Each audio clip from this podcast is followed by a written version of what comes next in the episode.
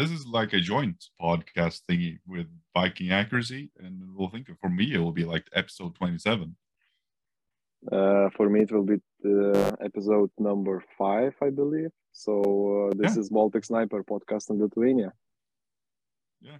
So it will be in, in none of our native languages. So it will be Yeah. English, and we'll see how long it will take for me until I start switching accents. But I will really try not to. Don't you do it? no, you've heard enough of that from the following the weekend that was. Yeah, yeah, yeah. What No, the it was weekend, huh? Yeah, it was good. I, I I had a really great time. It was uh, it was quite surprising. Like when you uh, like when you get to like the first date that we had, my expectations were quite a bit lower than what we what we the guys who came and the gear that they had. It was it was better than what I had expected. Actually, it's uh, Mhm. and also like the average level of the guys who already came, like they were, you can tell that they were really like into the whole shooting thing, and not just you know really really beginners, but they've they've done some homework. It was uh, it made the whole thing a lot easier, and it was also like very rewarding to be there. It was like, yeah, I'll, I I I don't know, but it's like a long story, but it was great. Yeah. So in general, you know that like uh, in Lithuania, we think that if you would like to shoot this this kind of competition, like there is some kind of entry barrier, so that you just you know you you cannot bring anything you know as a rifle, as a scope, and etc. So so there is like quite uh, let's say quite uh, some some some level of investment you need to make, and then you know you can you can start advancing. Yeah, yeah, for sure. So- I think also as a, by the time like the, how long when the sport progresses, like you add more people. For Sweden, for example, we have several, several, several hundreds of Mhm. shooters. And when you have like a beginners class, usually it's like for Lithuania when the sport is quite new. There's a lot of people who like invest quite rapidly, and those guys uh, were like were in Sweden several years ago. But now you have a, a, a wider section of beginners who starting out with like pretty basic equipment. So I, I think Mhm. like Lithuania in time in terms of like where they are in the sport is like where Sweden was maybe in like 2017, 2016, I think. Also Okay. with the size of the sport. hmm Okay. Okay. So I guess like uh, like in every podcast, we need to introduce ourselves a little bit, just like a little bit. So Marcus Olsson is like experienced Swedish shooter, one of the best shooter shooters in the Europe, as I am concerned, as far as I'm concerned. And uh, he is like uh, quite uh, fastly becoming uh, one of the best friends I have in shooting world, internationally. Well, that's uh well now I'm almost blushing. Well, likewise, Mindaugas. It's yeah. But uh, yeah, so um, let's see if I can pronounce this right this time. Mindaugas Kashalinas. Yeah, thumbs up. Wonderful. So Mindaugas is actually one of the earlier guys that I started talking to when it came to the whole IPRF thing. And I remember him, I had actually look. He started messaging me about one and a half or two years ago. Uh, and uh, we were act- planning on doing classes in Lithuania for quite some time, but due to some unfortunate circumstances, we had to postpone it until now. And uh, well, as regards of shooting, you visited Sweden like last week, and uh, you did quite well for being like on your first really big field match. Apart from you went to the finale in France and the World Championship, but uh, those were not. They were more like square range matches with long distances, and this was, if I'm not mistaken, like your first real field match. yeah if we are talking about like sporting event uh, not some exercises you know of some other sort yeah this is my actually first experience uh, in in field match and i really liked it all lithuania knows that i really liked it and all sweden I think everyone in Sweden, yeah, all of Sweden does as well. It's like uh, when you were on the last stage, and one of the guys were like, "Mindaugas, how did you, uh, how did you enjoy the competition?" Uh, now I did the accent, and I was just like, "Yes, it's, uh, you know, uh, it's maybe um, hard for you to understand, but you know, I am in like uh, paradise now." yeah but i was i did not do that in this accent actually no, I know, but I just did it because it's funny. yeah I do, I do, I do think accents are funny. Oh yeah. No, but it was That- it, it, it was that I know. great. So we first we first met at the the French finale, like in person in May. Yeah, in person. how, how yes. did what was the, yeah? So what was the like the Lithuanian journey to going to France in May? Like where did you start and when did you and your friends decide like this is where we're going? So I guess you know, like to the to where the sport was going in Lithuania at the time, I I was thinking all the time that we need to go out somewhere, out of the country, to experience how like the real matches are are are are being like or organized. Because in Lithuania, you know, like like to, if to talk about brief history, what we have here. So actually, uh, from the long range perspective, we have quite a quite a big traditions, but in F class shooting. So like like. Um, uh, bench is very popular in Sweden, like to say at least at least in the past.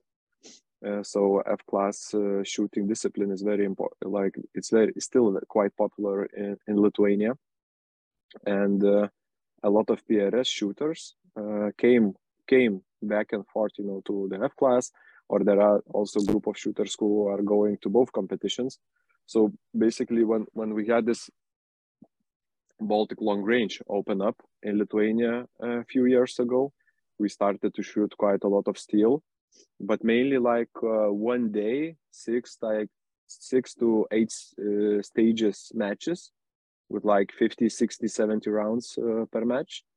And and you saw the possibilities there. The range is quite nice, uh, but also we were shooting quite far, but uh, also at the same time quite big targets so you know when when there was this idea to to go somewhere out and to experience how the matches are organ- organized internationally like the you know looking a little bit forward when when we already knew uh, that uh, the uh, world championship will be based in france and finale is like a repetition for that french finale is like a repetition for that.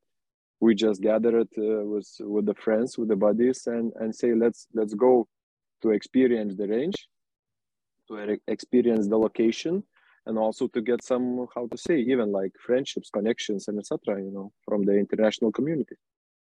And as soon as this idea, how to say, started to to to come to the fruition, we saw that Swedish guys are coming, Norwegians are coming. So then, uh, like UK guys also signed up so it was quite uh, it was quite uh, i would say interesting uh, competition Yeah, it, it turned out to be what everyone almost called like the first unofficial European Championship. It, uh, yeah yeah yeah I think everyone had like just a really great time meeting everyone. Uh, Mhm. and also it was nice to see like the level of shooters like what what every country on what level they were at because i would say like almost every country in europe who had who takes this sport at least a little bit serious had some of their absolute best shooters in may there which was Yeah, as you yeah, said it was like a you, you had like a preview of what would happen at the world championship with i think that was everyone a lot of guys wanted as soon as the world championship was announced that it's going to be at this range a lot of countries took the opportunity to go there and uh, check it out. Yeah to make some recce you know on the place. Exactly. How? Reconnaissance Yeah. get some yeah, yeah. get some advantages It's actually- it's actually i guess it's like quite uh, popular you know to to experience places before shooting there. Just you know to understand a little bit how the winds could be like what is the environment and etc so yeah it was it was fun. So actually it it, uh, it took some time to to prepare because like uh, i am i am you know how to say not like not even having some very big like official uh, official let's say status here in lithuanian shooting community. So but i was the one who said that guys come on let's go. It's like uh, best like good opportunity. We can drive there uh, there by the car uh, to go like to to rent some you know like a small bus and and go together there and, and share the costs. So but yeah but then almost immediately all the organizational part of the trip of the hotels of the you know like uh, renting a car paying starting fees and etc it was on me. So so yeah. So and that uh, still is you know uh, still continues to this day. So Sometimes actually I'm uh, very into many many projects here locally and uh, don't have uh, not don't uh, have a lot of time for myself to train to prepare to like have all the mental stuff in place etc so yeah. So we run like that. the, yeah it comes with the with the role of being one of the bigger organizers in a country. Mm. i know all about it. You have to sort of set aside aside some of your own interest like so how much you want to shoot and how much you want to spend time on yourself but it, it's in the long run it's like it benefits you and the sport. So if you if you wouldn't do it you wouldn't have all these opportunities in the like further down the road to shoot and go compete. So you have to sacrifice a little to gain a lot. Yeah it is quite uh, quite a, a, right statement because uh, like if you will not grow local community then like the, there will be uh, less and less possibilities to to train locally and to even raise the the level of of shooters we have. Actually i was quite uh, how to say I, I wanted to to get uh, much better result, results actually in, in, in French finale and and I hope I, I, I was I would be placing uh, better than I than I uh, did. And finale in finale and also in in uh, world championship but just for me there there was some you know how to say I was not ready actually for two day match in Lithuania, I basically had uh, all the podium finishes in all the like uh, series you can you can think. We have like three or four organizers here who are doing like one or two matches per year, and and and uh, actually I placed like top three in in in all of them.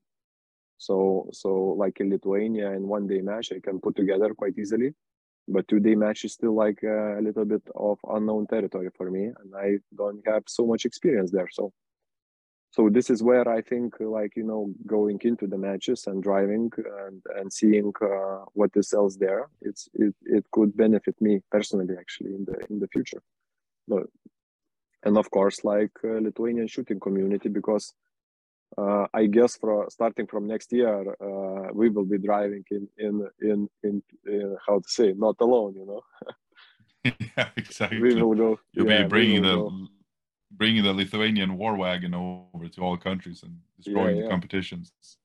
I said to a few uh, Swedish guys that uh, now you now you should prepare really well because Lithuanians are coming next year.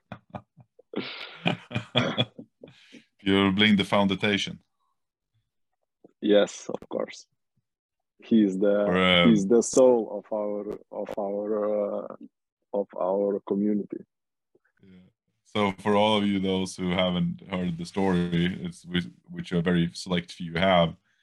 So uh, basically, you have Eduardas, who in uh, Lithuania, who shoots a Tikka action, and uh, by the looks of it, he sometime looked at a foundation stock, and I think he wanted one, but there don't exist for Tikkas. So he, he bought the raw material and went to the garage and made himself a foundation stock, and uh, so uh, at the World Championship, the um, the Americans uh, they were looking at the foundation stocks, the Lithuanians, and uh, so they told some of the Americans, you know, in Lithuania we have foundation, and the Americans were apparently were quite confused with what is uh, what is a foundation, and, uh, and then you show them the stock, and like everyone who's seen it and understand the amount of work that went into the stock, they're very, very impressed. Yeah, because it it basically is you know quite quite similar to a, a Genesis two foundation, but for a Tikka. Yeah, and uh, and Eduardas made this dog by hand in his garage for like a month after work. Yeah, this guy has some skills actually.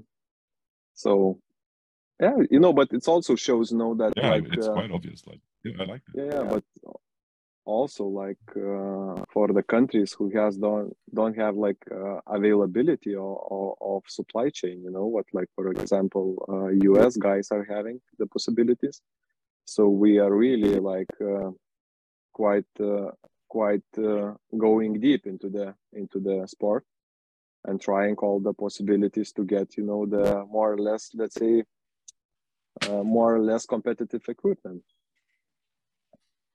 Yeah, yeah, yeah. But it, it's all like the the if there's a will, there's a way. Yeah, it, this is true. This is true. Yeah. So then. Was, uh, uh... Yeah, so yeah, after the finale, we we went also to to World Championship.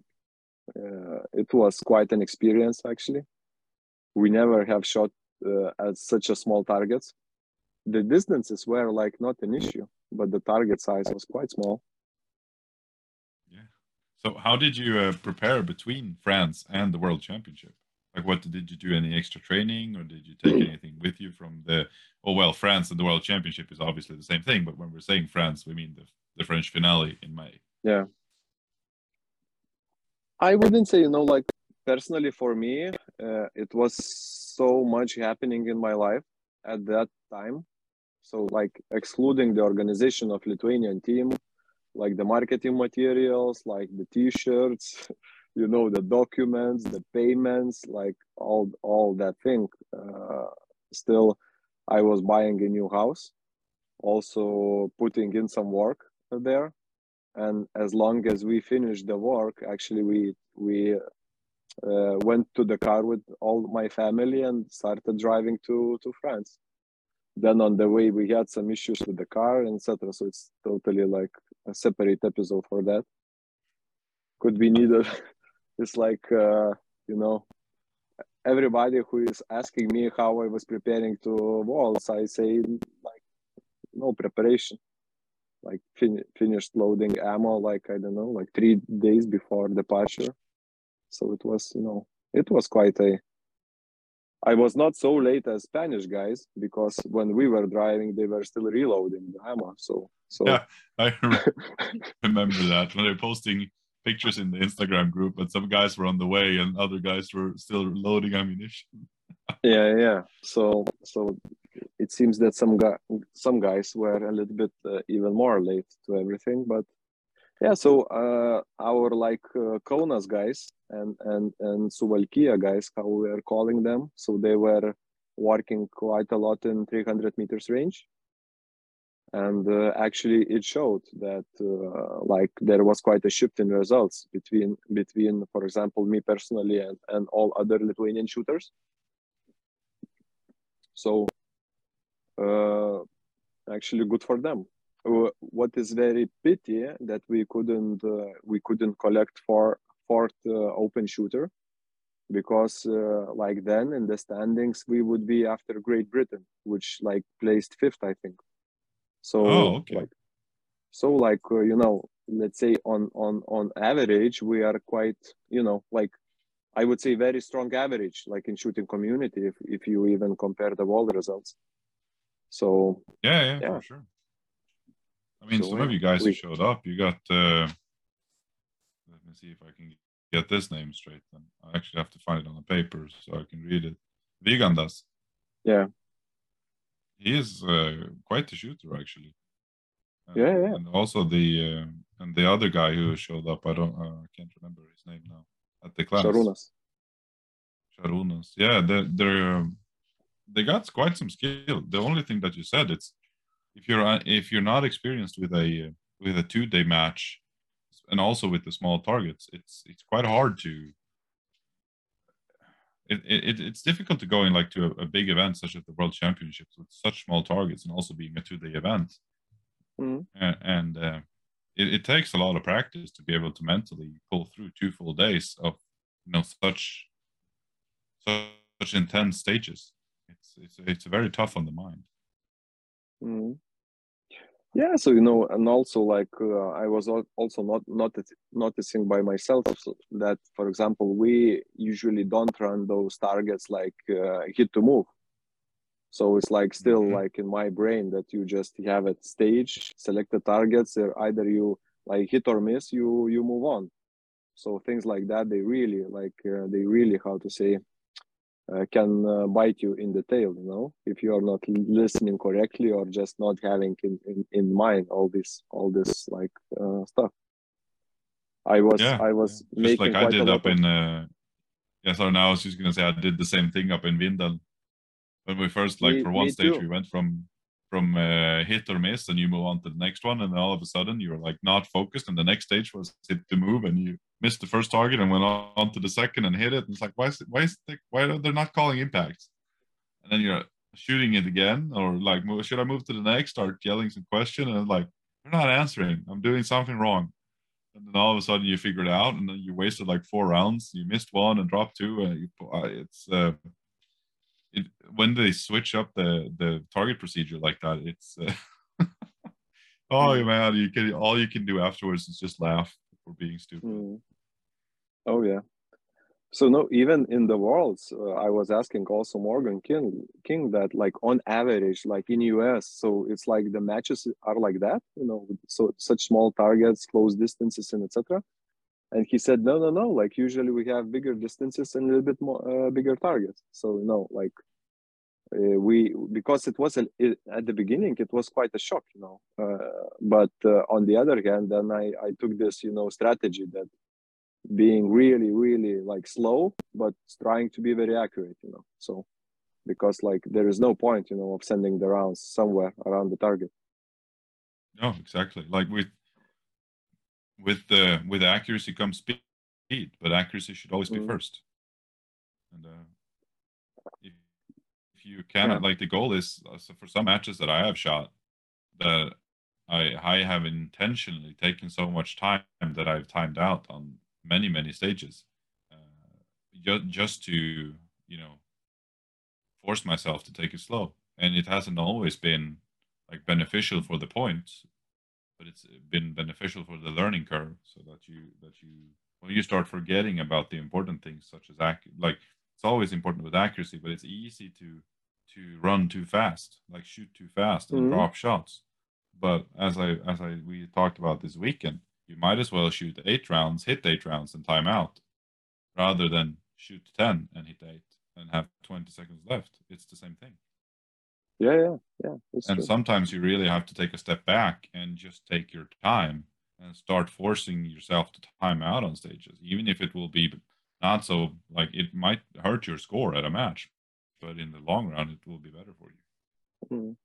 yeah so actually quite quite uh, i think i'm quite known for for being quite slow currently currently especially when when i was shooting my tractor. So uh, your tractor? Yeah yeah. I'm talking about desert tech. Yeah, like uh, okay. So okay so you refer to the desert tech as a tractor. Yeah not the best uh, not the best system for prs uh, type of competition but i really like that gun for other stuff. it, it is cool. Like it, it's ve- it's very packable. So you so like so that thing has so i remember we were making fun of the georgians at the world championship because you know I, I i don't know but every every swedish guy who's done like looked at them and you saw like half of their group they're all the same length the same age they're all shooting the same rifle with like the same scope. And you're like huh like funny how that works out.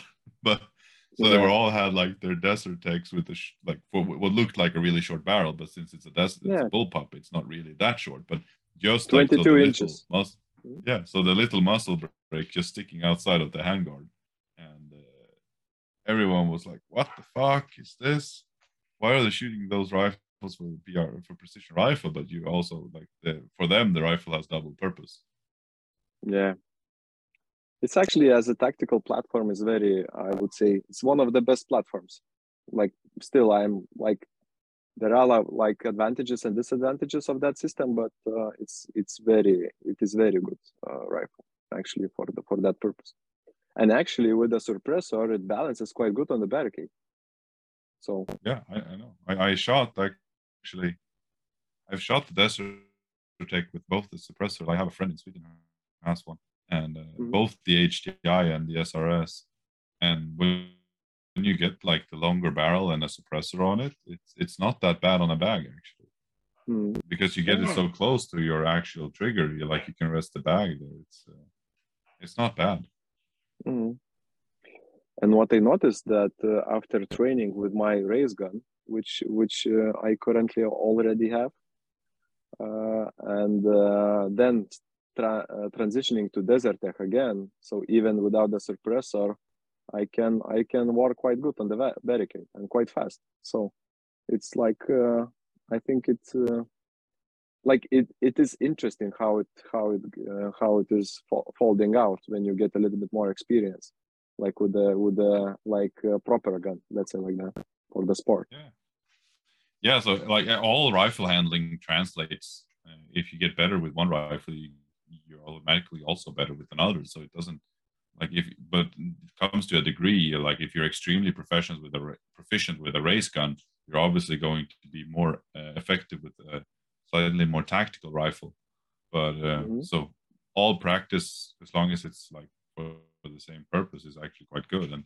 a lot of precision rifle also translates into other types of shooting as well yeah it's true uh, so uh, like uh, in lithuania we have roughly like I would say like 20 active shooters in in, in precision rifle, and and uh, those guys who are coming time to, time to time to long range competition. I'm talking about like like tactical like steel shooting competition. Let's call it like that.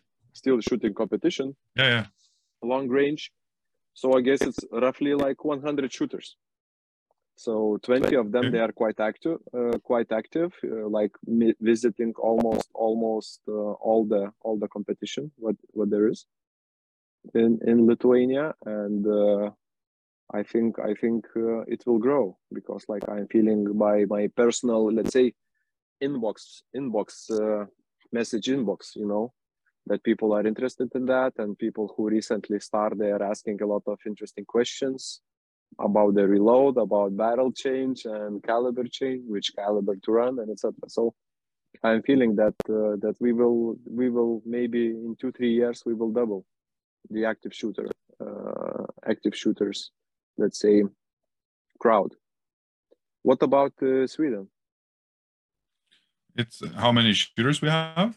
Yeah, just to understand. It's kind of difficult. To, it, it's difficult to say, but I think like for guys who are willing willing to travel and visit like a two day match or like a really really big one day match because we have both depending on what time of the year it's there there is we might have two day matches or we might have a long one day match because you know how long the sun is up and everything during summer we might shoot from seven in the morning until eight at night and you know it's it's quite rough to to shoot a 13 hour match but it's also mm-hmm. it's it brings kind of a little bit more people but when they don't have to take two days out of work because if it's a Saturday Sunday match, people will have to like take at least a little time, bit of time off on a Friday, and maybe also Monday if they if they live quite far away.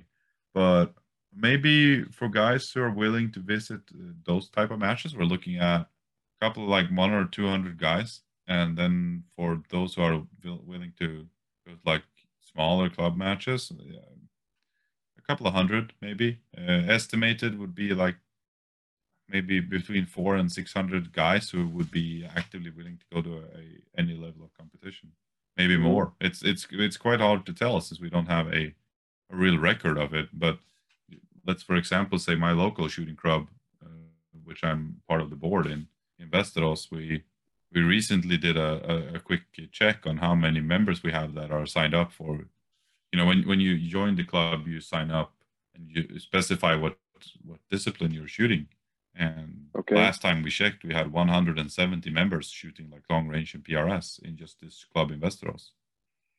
So, okay. Uh, you know, we're we're we're not really sure how many there is, but we think that there are quite much more than what we what are going to actual competitions. Okay yeah so quite uh, like of course like uh, with the swedish uh, sweden being such a like let's say large country in terms of like uh, area and also with such a hunting traditions i guess quite a lot of hunters are doing that also. Yeah so basically i would say the majority of everyone who is shooting precision rifle in sweden has a background in hunting.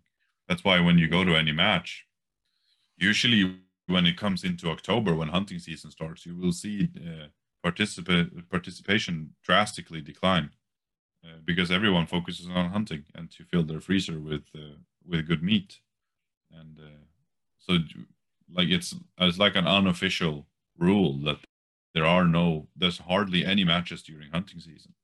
because Okay. it will it's very hard to find participants because everyone is just out hunting.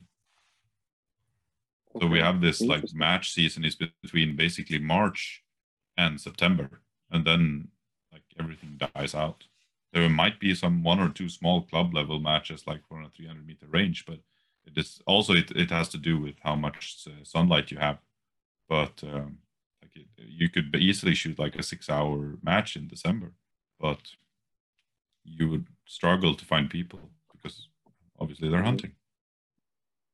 Okay, interesting. So, but like when when uh, a hunter or or or uh, like let's say like a hunt-oriented shooter comes to the match, what what are usually their expectations? usually they like the, most of the guys who show up they to a match they uh, maybe have shot some steel at uh, their local range got a small introduction by a friend who shoots it or maybe they've gone like did a, a class we have uh, it's just not me me and Rembry doing classes but it's more for those who have already done competitions like once or twice. There- there are some guys who do really really like entry level stuff in sweden uh, for the for the real beginners.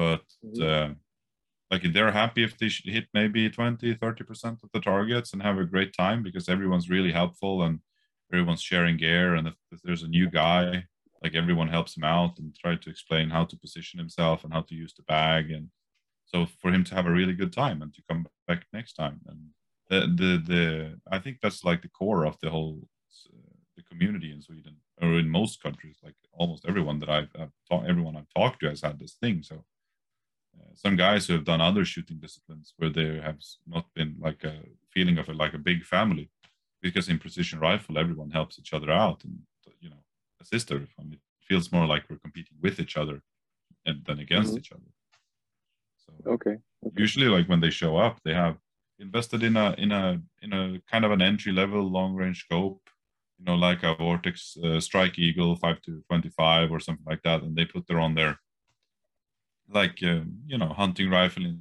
6555 maybe they bought a grs stock or or a cheaper mdt chassis or something and uh, Mhm. then they start out there and like once they've shot a few matches some of the guys are really really hooked and after a while some people call fabian and then it's just uh, yeah then it's uh, welcome to the to the club of throwing money at precision rifle Okay. So like immediately a custom gun order right there.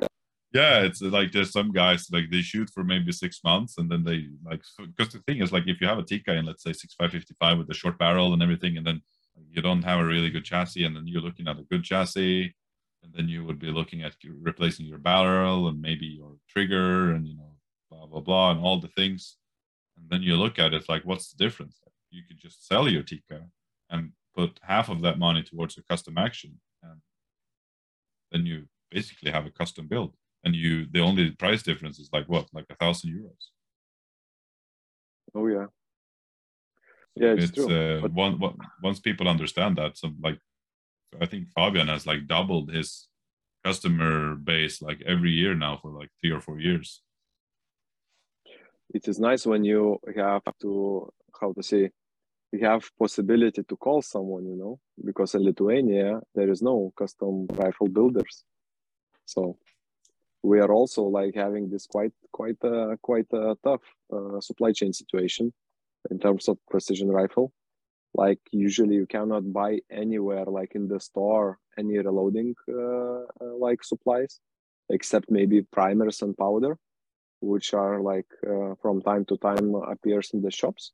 But all other stuff we are sourcing like in europe you know in, in online shops and through various like uh, uh, precision rifle dealers and etc so so yeah we have some constraints but we are how to say trying to to to get there eventually and to have similar possibilities as uh, nordic guys have yeah, yeah. so because so yeah I've, uh, I've noticed that you're kind of the, the, the go-to fixer guy in Lithuania.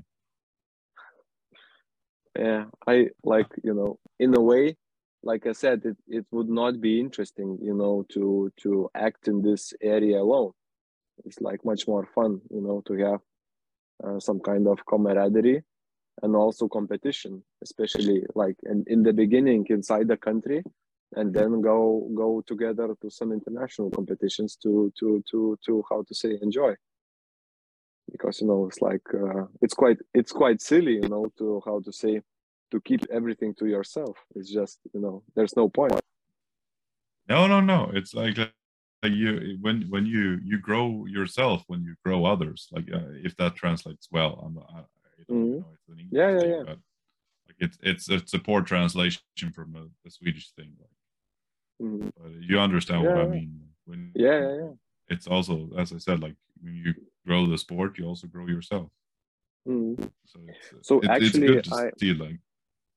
Okay so actually like in in france in france uh, finale i was like in in let's say squad where i didn't know anyone in uh, in in uh, french championship i i met robert uh, from sweden and also and also uh, morgan king and some other shooters.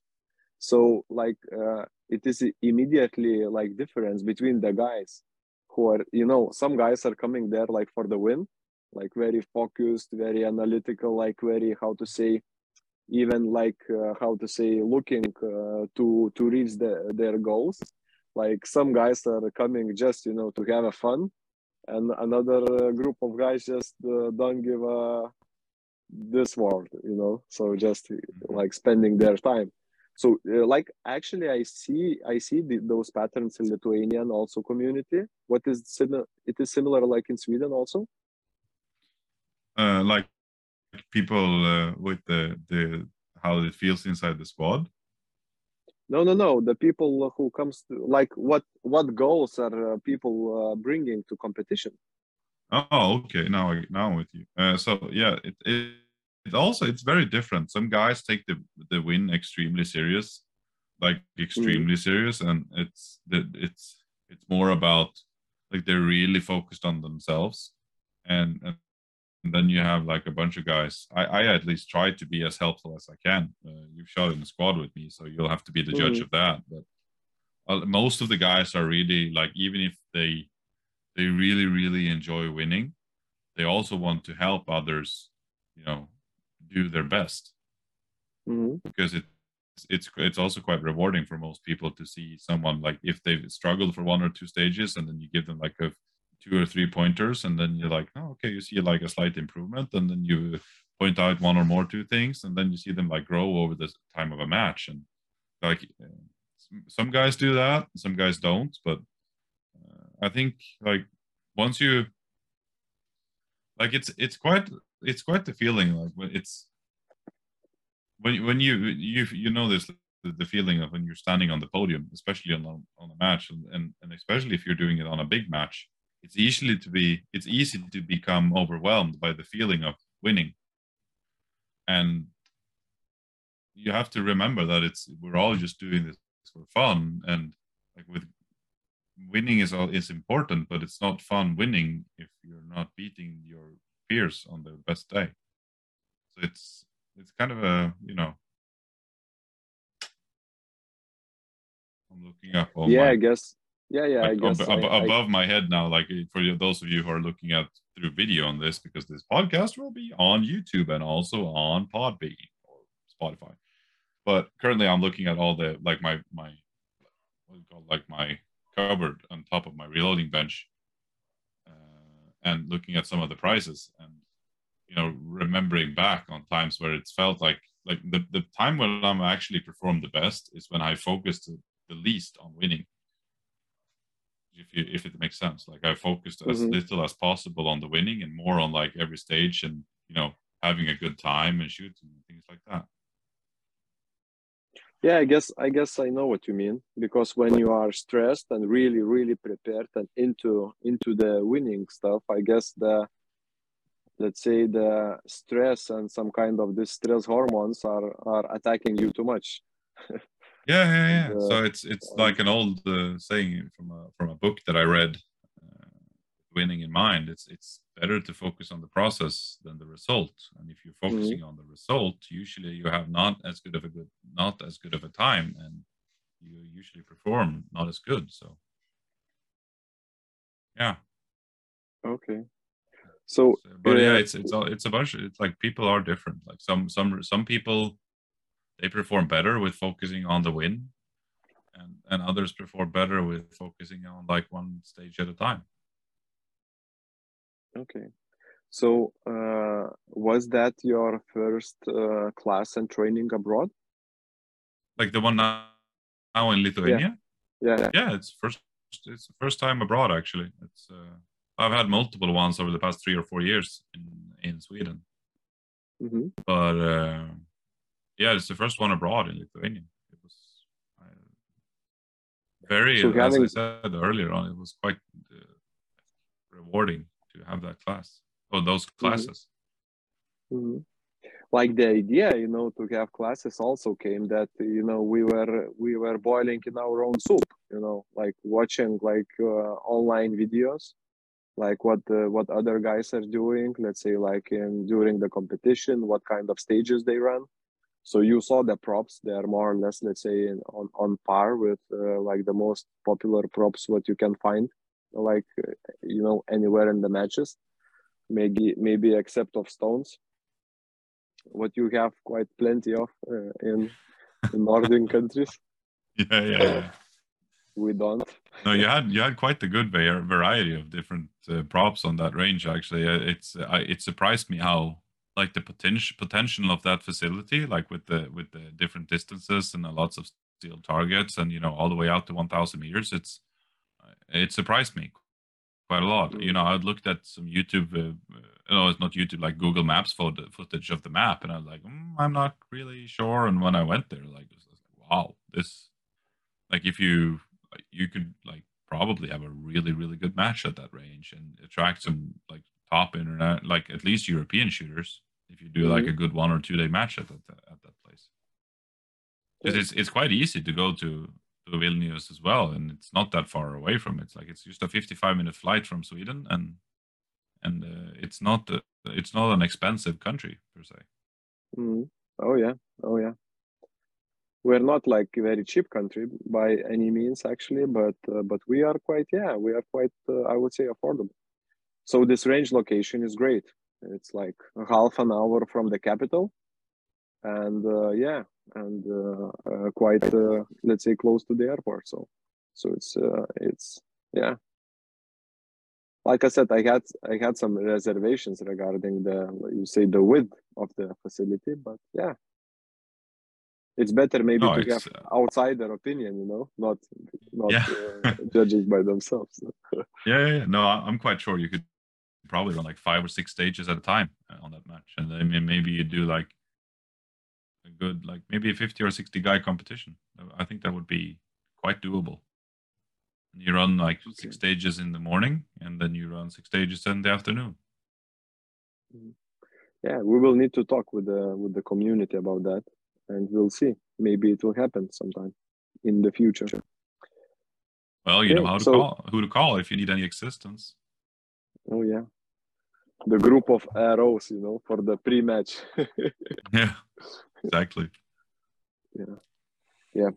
Uh, in any in any case, we would not organize this competition for us uh, to win it. So if we will do that, no. so so yeah. That is actually, I know there's quite of a funny story from many years ago. I was almost banned from competitions, like one or two competitions in the south. There were talks about banning shooters from like not only me myself, but like Uh-huh. shooters from our region in Sweden were very ahead of the curve.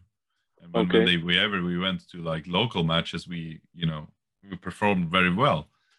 And I know some match directors that are like talking about that we were not allowed to come because they're they're guys who were shooting in that region, like they couldn't win. But then someone who had like thinking of about the bigger picture, they said like it's it's quite well, it's good that these guys are from Stockholm are, are showing up, like Stockholm area, because it, it gives uh, motivation for the guys to improve. And as you said, not boiling in your own soup. Yeah. Oh yeah, I guess you know like all the all the communities, especially like in shooting competitions, they go through very similar, uh, let's say, patterns of of of you know history and how they evolve. Because uh, it's it's it's uh, there are some kind of similarities like that in Lithuania also. Like for example, uh, like you know, a, a, lot of shooters are not only hunters but also like active reserve guys in Lithuanian mm-hmm. Rifleman Union. So you know, we are always preparing if if shit hit the fan. So and when the when we have this like uh, military kind or tactical competitions, then you know we are the ones who would like to represent our like squad or city or whatever. And then you know everybody is how to say everybody is mad that you know those competitors or sportsmen are coming like almost like you know how to say almost like legionnaires you know hired person just to do that. So it's all the time all the time is those conversations and talks uh, should we have those guys like in the competition like uh, maybe should, we should create uh, like separate uh, separate division for sports sportsmen etc so yeah. Actually uh, this year yeah, actually this that. yeah yeah. Actually this year i won like lithuanian um, uh, sniper fest competition which is like for lithuanian nat and nato allies like a biggest sniper events in the event in the region like for the military guys and I was representing Rifleman Union from Vilnius City, and I won like second uh, overall and first open, you know, division. So after the competition, there was quite a lot of conversations, you know, between the military guys that, oh, again, those sportsmen are coming, and you know, like winning. Then uh, a lot of guys not realizing that actually, like civilians everywhere in the world, civilians are shooting better than military, especially in long range it's like uh, it's like a rule usually since like yeah, i because, guess like five yeah. years it's for sure yeah, yeah yeah since the sport for precision rifle has been growing like this this is definitely the pattern in any country who has precision rifle because you know let's say for like a sniper or or something like that shooting is such a small part of the job yeah. and for us who like, as you said as sportsmen like uh, we go to sleep thinking about firing solutions and rifles and ranges and then you wake up in the morning and you go to, go to go to like work and then you on the way in your car you think about the same thing and then so it's like it occupies so much uh, time on our mind. And obviously when you do that for a long time and you do also shoot quite a lot and go to all this competition you um you gain experience and you become a very very efficient shooter. And it's it's very hard to to like compare that to someone who has this as like three or four percent or five percent of their job. And then they go home and they have a normal life and they just you know they work. It's their job yeah. as i said and always such a small part of it. And we are 100% dedicating most time of our like majority of our free time to, to doing what they do for just as maybe a few hours a week. Yeah I just remember, you know, when you were talking, I was thinking about such small part of our lives, like reloading, for example. Mm, Load oh, development. Eh. I just want to shove my fingers in my throat now and throw up. Yeah, I, I hate reloading by now. It's just load development is just the most boring thing and reloading. I hate it. And that is why like I have yeah. the videos on YouTube on how I make it easier. And every time like I do another one, it's just easier and easier and less and less steps. Uh, oh yeah. So it, it's uh, you know how how what is the easiest way to make ammunition and still be able to win matches, and it's I'm removing one step at a time. Yeah. Yeah, it is like, yeah, the the guys who not doing that for uh, quite a long time, they don't realize sometimes how how what is the approach, you know, what we are having with that. So like my 300 rounds uh, for the for the new rifle is just the previous previous rifle load, like almost no testing. Like did load development in 10 shots. yeah, no, it's it's just so it doesn't. If you have good quality components and a good barrel, you don't need that much effort into it. It's uh, also like some. I was talking to. Um, Eduardas and they were translating a little bit and he asked me, don't, don't you ever clean your brass? And I was like, no. Do you ever clean your primer, primer pockets? No.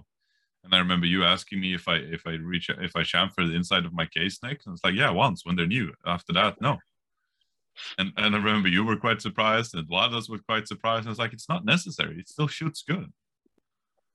yeah like if you remove all these steps you save a lot of time because after you've i think i burned through like since i started shooting like six or something barrels six or seven six or eight barrels and like reloading is more like of a a has to than wanting to because if i could buy i was so i was talking to one of my friends over here in sweden and hmm they asked me what, what rifles were more common like calibers when i was teaching the class and and I said, well, basically, it's like a lot of people shoot 308. And they're like, why? Well, because you could buy GGG for like, and I remember, I think it was some of the guys over there said it used to be like, like, uh, like what was it like? seventy five euro.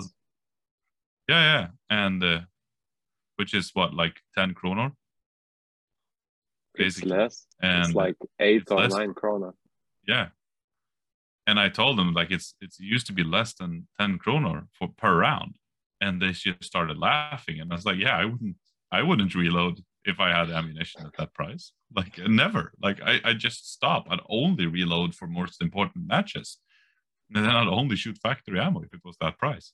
But we we don't have that luxury in Sweden. And uh, unfortunately the, the price of your 308 ammo has gone up, but it's still much cheaper than it is in Sweden. yeah but it's the same in lithuania also the all the prices like what is called, what is con- like connected with the guns shooting and etc they increased dra- dramatically uh, during this year. So you know it uh, life is like that you know so everywhere is that. You know like also like uh, uh, before baltic long range uh, baltic long range range open, uh, we usually were shooting like maximum 600 660 meters. And Yeah. then uh, 308 uh, like uh, ggg round with uh, 175 sierra match king bullet it was uh, how to say it was working quite okay. Like you can you can hit like steel reliably like IPSC IPSC uh, target at, at at 660 meters you can hit reliably quite reliably actually with that round and with a little bit longer barrel barrel something like 24 and plus inches but as soon as we opened like this uh, multi long range uh, range and have availability to shoot out to one kilometer then suddenly like everybody like how to say understood that like uh, seven meter 700 meters and plus it's already like a, a hassle. And that also like uh, made uh, guys uh, to to think start to think about other calibers. So like uh, 6.5 creedmoor became quite quite a popular round also i guess i was like not in f class. I was like first guy who who was running six millimeter. So and uh, i guess after the uh, world championship next year we will have like at least four guys running six millimeters.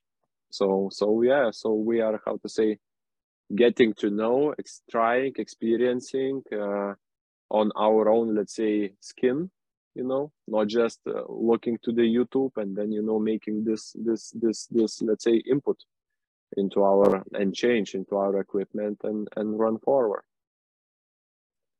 So uh one interesting thing maybe to to talk about and maybe to to maybe a little bit summarize our uh, training what we have in in lithuania.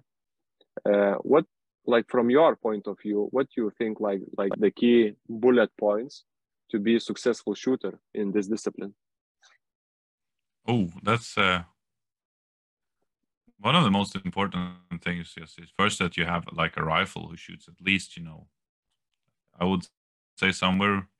It's really essential that you have a rifle that maybe shoots between 20, 15 and 20 millimeters, and preferably less. But like 50, 50, let's say like an average baseline of 15 millimeters on a five-shot group is uh, it's more than sufficient. But you will want to be so it's like somewhere in 0. that 0.5 ballpark. po- 0.5 0.6 moa right Yeah, yeah, yeah.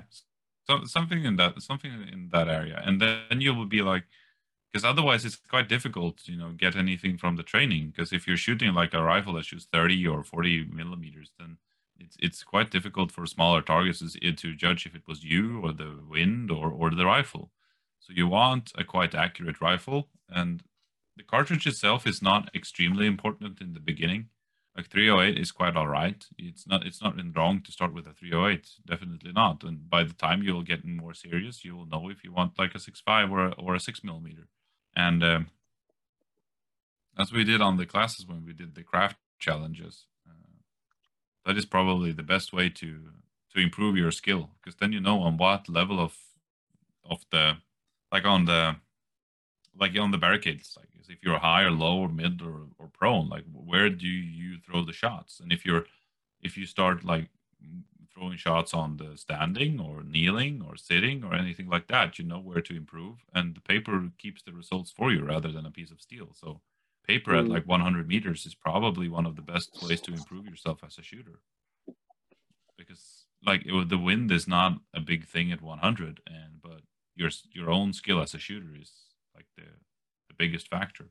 And uh, other than that, myself, I just do like probably like 98% of my training on 100 and 300, nothing else.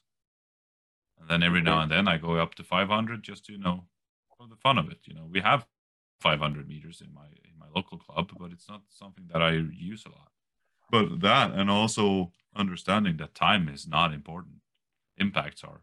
And if you're rushing it to this, to the point that you're missing the target because of you're going too fast, then you kind of not understood the whole point because it's called precision rifle, not like going as fast as you can and hitting a barn door rifle. Mm-hmm. But uh, okay. yeah, time management, shooting slow and accurate, and having an, an, an accurate rifle, and not caring too much about BCE and and what round you and what round you're running because as I showed on the class, it's the the, dis- the difference in in in real life out to like 600 meters or 700 is not that big. Mm-hmm. Okay. So the just going to like that and practicing and you know going out and talking to other people and taking a class. Hint, hint, marketing myself. no, but and also going to matches. Like, don't be scared to go to matches. It's the best place to learn. You will see what the sport is all about, and then you'll know. Like, keep track of your scores on a match. That is quite like uh, go to a serious competition and see what you need to improve. Like, where do you suck the most? And where do you want need to put in the work? And then you practice, and you go to your next competition, and hopefully you've improved, and then you continue the road. this is quite a few good advices actually what i also heard from you and after botany and also after the training is that yeah it's uh, better to start slower and more getting more accurate more stable in the positions and let off uh, rounds like you have paid for them you know not just throw them away so. Exactly. So I like think, it's yeah. no point in sending them into the dirt. Like they they're you bought them or made them so they should hit the steel. And if you're rushing it and like like you feel like you're going so fast that you have no control on the on the rounds like of course you're going to miss targets but it shouldn't be because you're going too fast. Mm-hmm. okay. You should really put all the effort you can into making perfect shots okay like uh, from my side what i have noticed the most like where was the improvement and even i was let's say I was surprised by that, but I think I did quite well also in botany. A long range competition is uh, target acquisition, like just mm-hmm. before, like still looking through the scope. Yeah. So no. Yeah. No, I forgot to I, mention that. So finding your targets I, is like where people lose the most amount of time. Mm. You know, they pay for magnification of the scope, so they use it on full potential. Exactly. I paid for 25, so I got them going to use it. Oh yeah. Yeah. You need to have quite um, a uh, you need to have quite a skill to use it all the time on full mag. Yeah, yeah. So I know there's uh, some guys in the US who run their magnification all the time on maximum. I think like Dave Preston runs it at he used to have the 5 to 25 gen 2 race no it's uh yeah it's uh, no four and a half to 27 gen 2 Razor and I am known he said somewhere, and I also seen the pictures. Like he runs that thing at 27 all the time, and which for me is you know unimaginable. I I wouldn't oh. find shit, and I also would have trouble seeing the environment and I, things that I want to see like leaves and you know the everything around the target. So for me, Mm. uh, for most guys, it's better to run it at like you know 16 to 20 or like 14 to 20, and be quicker at finding the targets. But of course, like some guys are just natural, and they'll find them no matter their magnification. Oh yeah, it's true. Actually, it, it's interesting. You know, this experience for me, like one of the like really, really like what stuck uh, during the competition in Sweden, is that you know that we need to uh, implement one more axis in in fi- finding targets. You know, not just like from left to right, but also we need to utilize y-axis as well. So, so that No, was really that, like that's uh, really, really interesting. like Yeah, mo- most competitions you have a Thai Force in Sweden, uh, which is usually at late summer every year. That competition also have some uh, different elevations, but other than that, they're quite flat. So Mm. Sweden is not a very mountainous country, but you have some hills here and there. Norway, on the other hand, they sometimes have you know a lot of elevation and ups and downs. I remember like I think it was like the Midnight Sun uh, rifle challenge when that uh, competition existed that we were shooting so high up that people had issues with like, extending their bipods because it was like a flat surface we're shooting up from a road you're Mhm. shooting up a mountain and people had issues with the like not being able to extend their bipods enough to hit the target Oh, But yeah. that was uh, that was quite an interesting competition though I, uh, unfortunately Yeah. it doesn't longer and it doesn't exist anymore uh, after covid some of the, so, some of the matches uh, died after covid because of two years of lockdowns and not having people traveling for the matches and uh, you know people when they couldn't host they made life uh, changing decisions so they could like after covid they couldn't like they didn't have the time to host those kinds of matches but um they grow the, it's it's quite uh, when you're looking at it, there's very few guys who are actually stepping up and hosting like bigger matches in Sweden, and Norway is a little bit better at this. But so I, I used to host quite a big range like square range match in Västerås with like sixty or eighty guys. I, I haven't done this this year, but I might do it next year. But other than that, you still have like the same three or four or five guys who still like uh, responsible for the big matches. And Mhm. Tobias, who runs the Vindel match, he he is actually quite new to the game, which most of us, like all of us, really appreciate that he puts on this match because this is it's quite a massive amount of work to make it happen. Oh yeah, yeah, yeah. It was like uh, it was like visible also being at the match that uh, the the range was very well prepared. Like the targets were set up. I guess like like you know, maybe I'm not the big specialist, you know, to talk about that and not so experienced guy, but I really appreciated like the shooting locations and how it was organized and especially the river stage like on two days. I guess everybody was interested in that. So yeah, Yeah, it was. I really it it, it is a I Yeah. ha, I think like that that match has really like big potential. Being uh, like from the, from the flat country as Lithuania is, I guess like it, it should be quite interesting to many many like uh, international shooters in the future. Yeah, because it the, he runs it twice a year. So next time it's going to be in spring, like I think Mhm. May, and then he'll run it in uh, like end of September again. So he runs it two times a year. And uh, you you should definitely like anyone who's listening to this who is thinking about a match to go to in Sweden. Vindeln is definitely one of those matches, or Botnia Long Range as it's called, like its real name.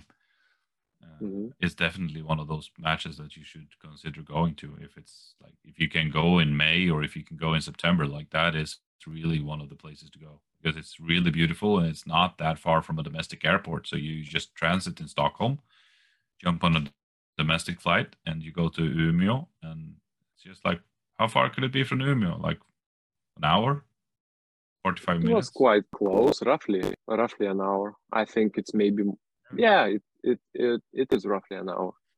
Yeah, and like you have quite a nice hotel there with good food and you know quite beautiful scenery. It's uh, it's really a good place to go to. I know some of the Spaniards are uh, really wanted to go there and scream "Impacto, Oh yeah yeah. Impacto." Yeah, the- the party before the competition and between the days was also like uh, one of the things to to to visit, I guess. yeah, like uh, by party we don't mean everyone getting shit faced, but like we No, had no, like, no. a buffet of good food and everyone was drinking like one or two beers and you know socializing. It was it's it's one of the nicer things with going to these big matches is that you meet so many like-minded people because I mean Mm, most of us are the same kind of guys who just wants to you know justify to go out in the forest shoot guns and then drink beers at night yeah, yeah. I yeah. It's like on on that aspect, it's quite uh, similar to hunting, I guess. yeah but you you're coming home with less money and no meat Yeah, so it's and and you actually shoot some at something, you know, yeah, one yeah, hundred exactly. percent. well yeah you get to shoot. Yeah, yeah, and that's very true. Yeah. that is good. So what's the plan for like lithuania now? Is like, like you have matches upcoming or is it like what's the where do you feel like the the sport is going? Actually, this season, this season was a little bit like uh, due due those let's say not very nice circumstances. We are more or less like on hold.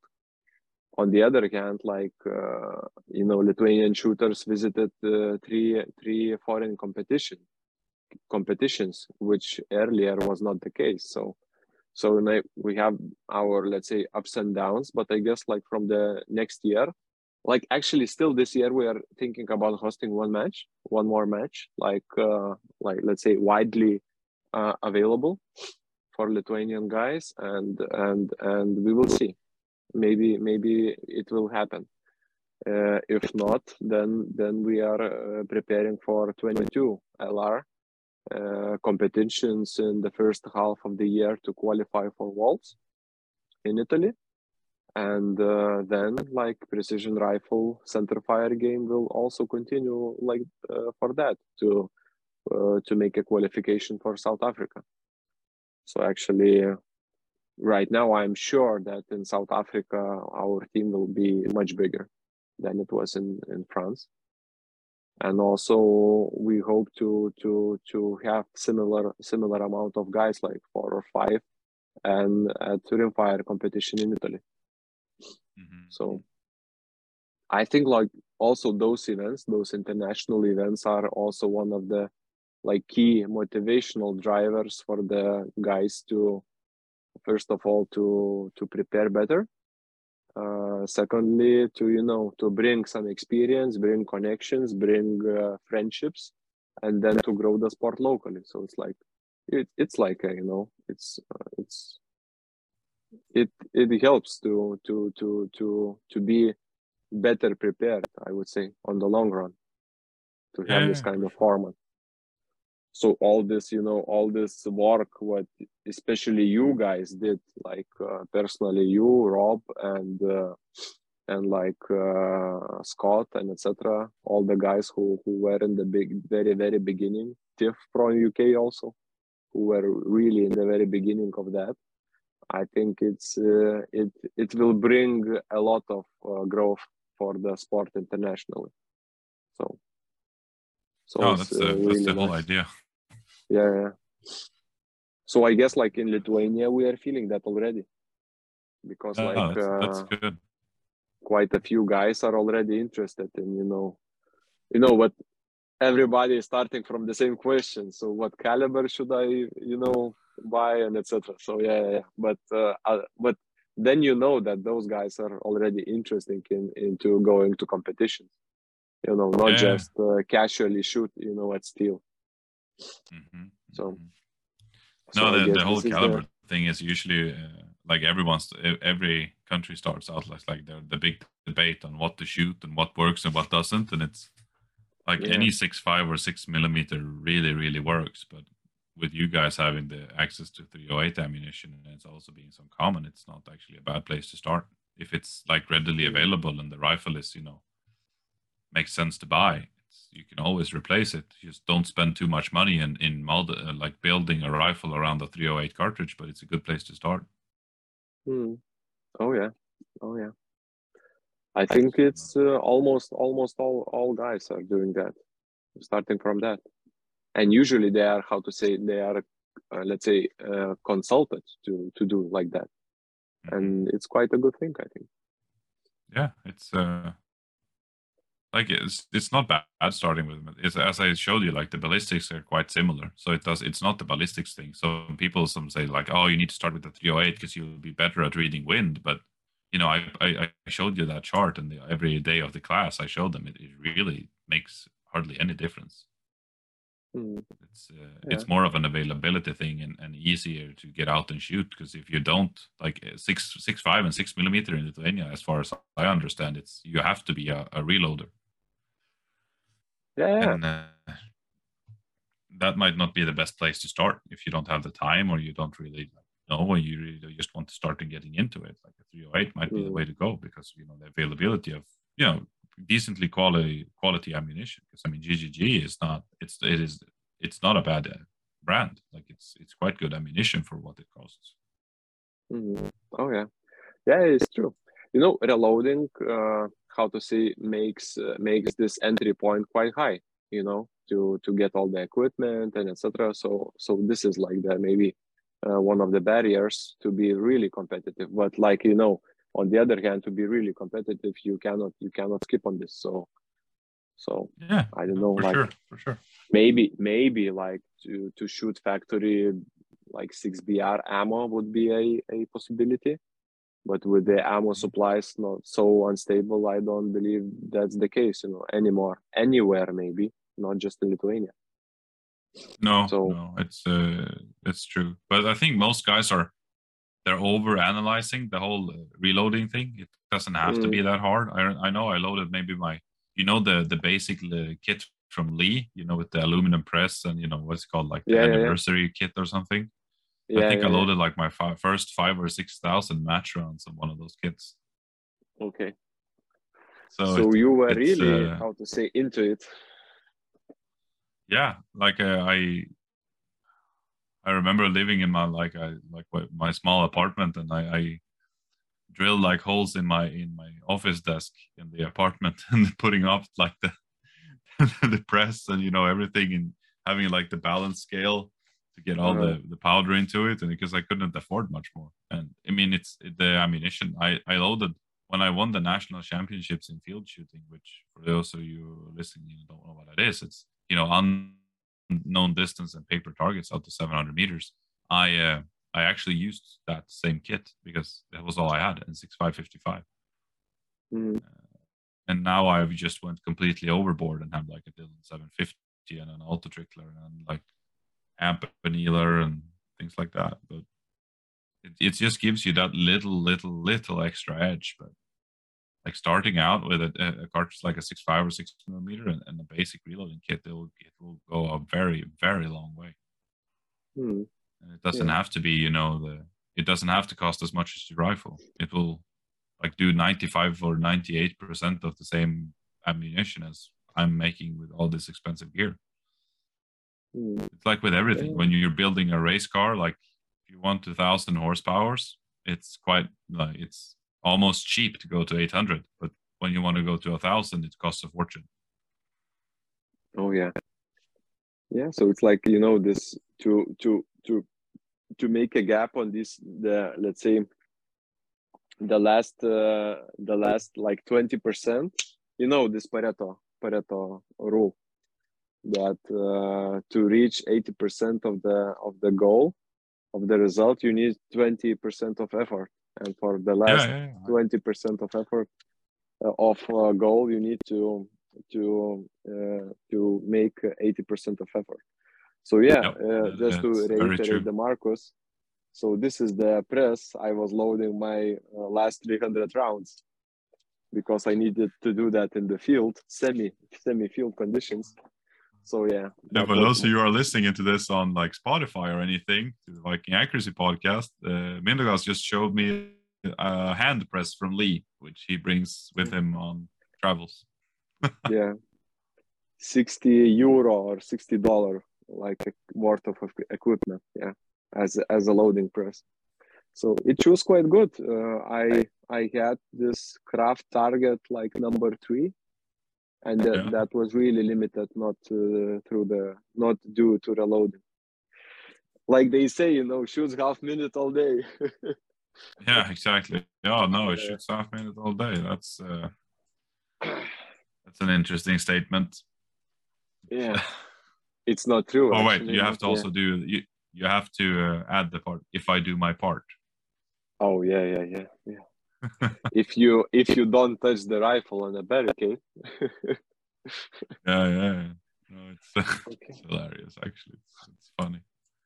Yeah. Okay, Marcos.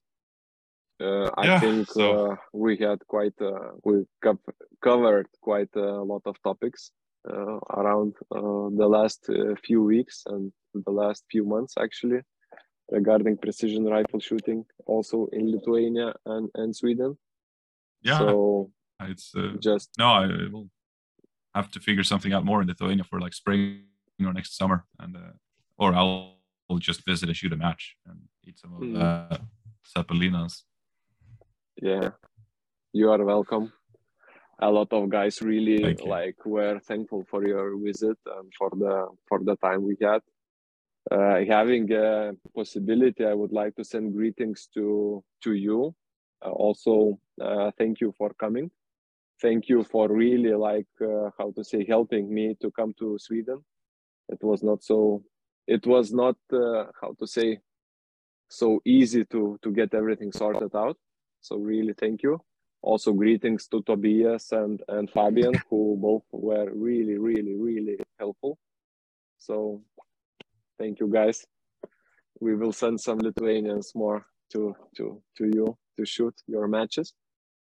And yeah, see you guys in the in the coming weeks.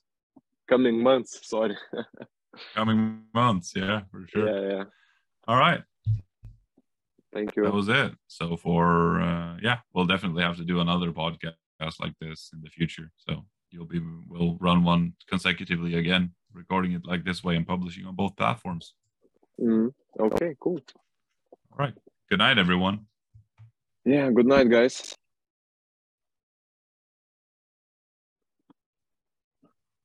Okay, I will I will stop the recording.